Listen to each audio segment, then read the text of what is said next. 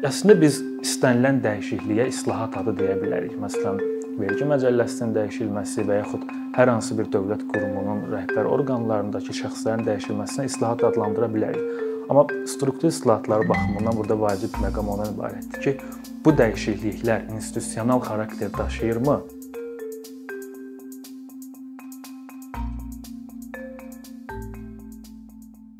Biz tez-tez müxtəlif siyasətçilərdən struktur islahatları ilə bağlı açıqlamalar eşidirik. Xüsusilə də iqtisadi durğunluq müşahidə olunan dövrlərdə struktur islahatları məsələsi daha çox aktual olur. Amma onu da qeyd lazımdır ki, struktur islahatları məsələsi təkcə ayrı-ayrı ölkələrin yox, həm də BMT, Dünya Bankı, İqtisadi Əməkdaşlıq və İnkişaf Təşkilatı kimi nüfuzlu beynəlxalq təşkilatların da əsas fəaliyyət istiqamətlərindən biridir və bu təşkilatlar bir çox ölkələrə e, struktur islahatların həyata keçirilməsində köməklik göstərirlər. Ancaq əfsuslar olsun ki, hər zaman struktur islahatları uğurla həyata keçirilə bilmir. Məsələn, bu adını çəkdiyimiz təşkilatların uzun illər ərzində formalaşan təcrübəsi göstərir ki, struktur islahatların uğurla həyata keçirilməsi baxımından ən vacib və ilkin şərtlərdən biri bu islahatları həyata keçirən tərəfin cəmiyyətdən demokratik dəyərlər çərçivəsində səlahiyyət almasıdır. Yəni burada seçki institutunun vacibliyini vurğulamaq lazımdır ki, əgər bir ölkədə ictimai siyasi aktivlik yüksək səviyyədədirsə, siyasi rəqabət mühiti varsa, bu ölkələrdə struktur islahatların uğurla nəticələnmə ehtimalı daha yüksəkdir. Çünki həmin ölkələrdə iqtidar partiyaları başa düşür ki, qarşılaşdıkları problemlərin həlli ilə bağlı tutarlı həll yolları təklif edə bilməsələr, gələcək seçkilərdə lazım olan qədər səs sığa bilməyəcəklər. Və yaxud əksinə, yəni ictimai siyasi aktivliyin aşağı olduğu, siyasi sistemin oturuşduğu və bütün sahələrə nəzarət etdiyi ölkələrdə struktur islahatlarının uğurla nəticələnmə ehtimalı daha aşağıdır. Və yaxud digər tərəfdən burada ən vacib e, elementlərdən biri kommunikasiya məsələsidir. Çünki struktur islahatları cəmiyyətin müxtəlif sosial qruplarını təmsil edən insanların qarşılaşdığı problemləri həll etmək istiqamətlənir. Ona görə də bu islahatlar hazırlanarkən bu islahatlar tədqiqatlar və analizlərlə yanaşı həm də ictimai müzakirələr əsasında formalaşmalıdır. Və bu ictimai müzakirələrə cəmiyyətin müxtəlif sosial qruplarını təmsil edən şəxslərin iştirakçılığı təmin edilməlidir. Yəni ictimaiyyətdən xəbərsiz, səssiz şəkildə hazırlanan və bir anda sürpriz olaraq ictimaiyyətə təqdim edilən struktur islahatlarının uğurlu olma e, ehtimalı o qədər də yüksək deyil. Bu sadəcə o halda kifayət qədər yüksək şanslı ola bilər ki, çox qısa zaman müddətində çox böyük dəyişikliklərə səbəb ola bilsin. Burada vurğulanmalı bir məsələ də odur ki, bütün ölkələrdə struktur islahatlarının miqyası və əhatə dairəsi eyni olmaya bilər.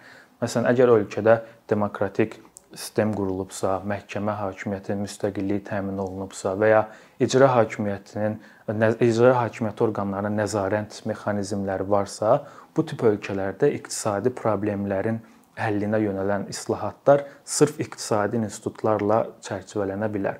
Amma əgər ölkədə qanun aliliyi təmin edilməyibsə və yaxud institutların effektiv fəaliyyəti yoxdursa, bu tip ölkələrdə istər iqtisadi, istər digər sahələrdəki problemlərin həlli bütün bu sadaladığımız məsələləri e, əhatə etmək məcburiyyətindədir. Ona görə də struktur islahatlarla bağlı daha bir vacib məqam odur ki, burada kəmiyyət dəyişiklikləri, yəni vergi dərəcələrinin dəyişilməsi və ya müxtəlif tariflərin dəyişilməsi bu məsələnin nisbətən sadə tərəfidir. Burada struktur islahatlarından gözlənilən əsas dəyişiklik idarəetmə sisteminin davranış qaydalarına və müxtəlif istiqamətlərə yanaşmalarda ortaya çıxardacağı proqressiv dəyişikliklərlə bağlıdır. Çünki dayanıqlı iqtisadi inkişaf üçün e, keyfiyyətli idarəetmə sistemi və institutlar bizə lazımdır. Bu baxımdan struktur islahatları çərçivəsində institusional islahatlar ayrıca bir önəm kəsb edir.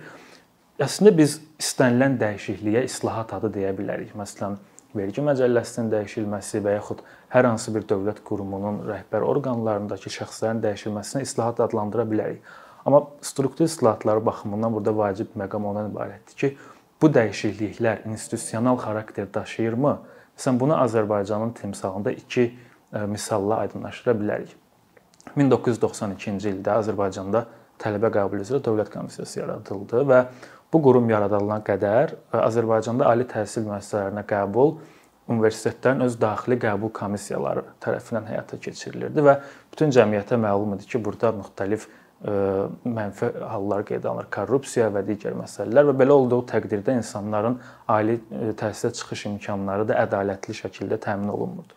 Ancaq tələbə qəbul üzrə dövlət komitəsi yaradıldıqdan sonra idarəetmə sisteminin bu məsələyə yanaşması dəyişdi. Vahid test sistemi yaradıldı və bu bizim sadaladığımız neqativ hallar ortadan qalxdı. Demək bu doğrudan da institusional xarakterli bir islahat idi. Çünki idarəetmə sisteminin məsələyə yanaşması həm də keyfiyyət nəticə etibarilə keyfiyyət dəyişikliyinə səbəb oldu. Amma başqa bir misal, məsələn 1999-cu ildə Azərbaycanda yerli özünü idarə etmə sistemində bələdiyyələr formalaşdırmağa başlandı. Amma biz indi də görürük ki, bələdiyyələr yerli özünü idarə etmə sistemində o qədər də mühüm rol oynamır. Onların gəlir mənbələri çox azdır, onların səlahiyyətləri kifayət qədər aşağıdır. Demək, bələdiyyələrlə bağlı islahat institusional xarakterli deyil. Çünki bu keyfiyyət dəyişikliyinə səbəb olmadı. Bu o halda institusional xarakterli islahat hesab oluna bilərdi ki, yerli özünü idarə etmə seçki ilə formalaşmış bələdiyyələrin rolu daha yüksək olsun, onlar daha hesabatlı və şəffaf şəkildə fəaliyyət göstərsin. Ancaq hələ də yerlərdə idarə etmə mərkəzi hökumət tərəfindən təyin olunan icra hakimləri vasitəsilə həyata keçirilir və əslində bu məqam bizə kömək edir ki, biz struktur islahatlarının nəticələrini qiymətləndirə bilək. Yəni əgər bu islahatların nəticəsində institutlar və dövlət qurumları cəmiyyətdə təmsil olunan bütün sosial qrupları əhatə edirsə, yəni hər kəsin iqtisadi hüquqları təmin olunursa, hər kəs bizneslə, iqtisadiyyatla azad şəkildə məşğul ola bilirsə və hər kəsin siyasi hüquqları təmin olunursa, demək bu uğurla həyata keçirilmiş struktur islahatlardır. Yəni qısaca belə əhatə edə bilərik ki, struktur islahatlarının mahiyyəti ondan ibarətdir ki, bu islahatlar kəmiyyət dəyişiklikləri ilə birlikdə həm də indiyənə qədər mövcud olan problemlərə səbəb olan davranış qaydalarını və stereotipləri aradan qaldırmalıdır. Əkinçinin yeni videoları haqqında məlumatlı olmaq üçün kanalımıza abunə olmağı və xəbərdarlıq funksiyasını aktivləşdirməyi unutmayın. Bununla bərabər gördüyümüz işlərin davamlı olmasını istəyirsinizsə, bizim patronların sırasına qoşulmağınızı rica edirik. Əkinçinin Patreon icmasının üzvü olaraq siz bizim təşəbbüsə dəstək göstərməklə bərabər hazırladığımız materialları hər kəsdən öncə izləmə imkanı əldə edəcəksiniz imkandan istifadə edərək cari patronlarımıza işlərimizi davam etməyə yardım olduqları üçün dərin təşəkkürümüzü bildiririk.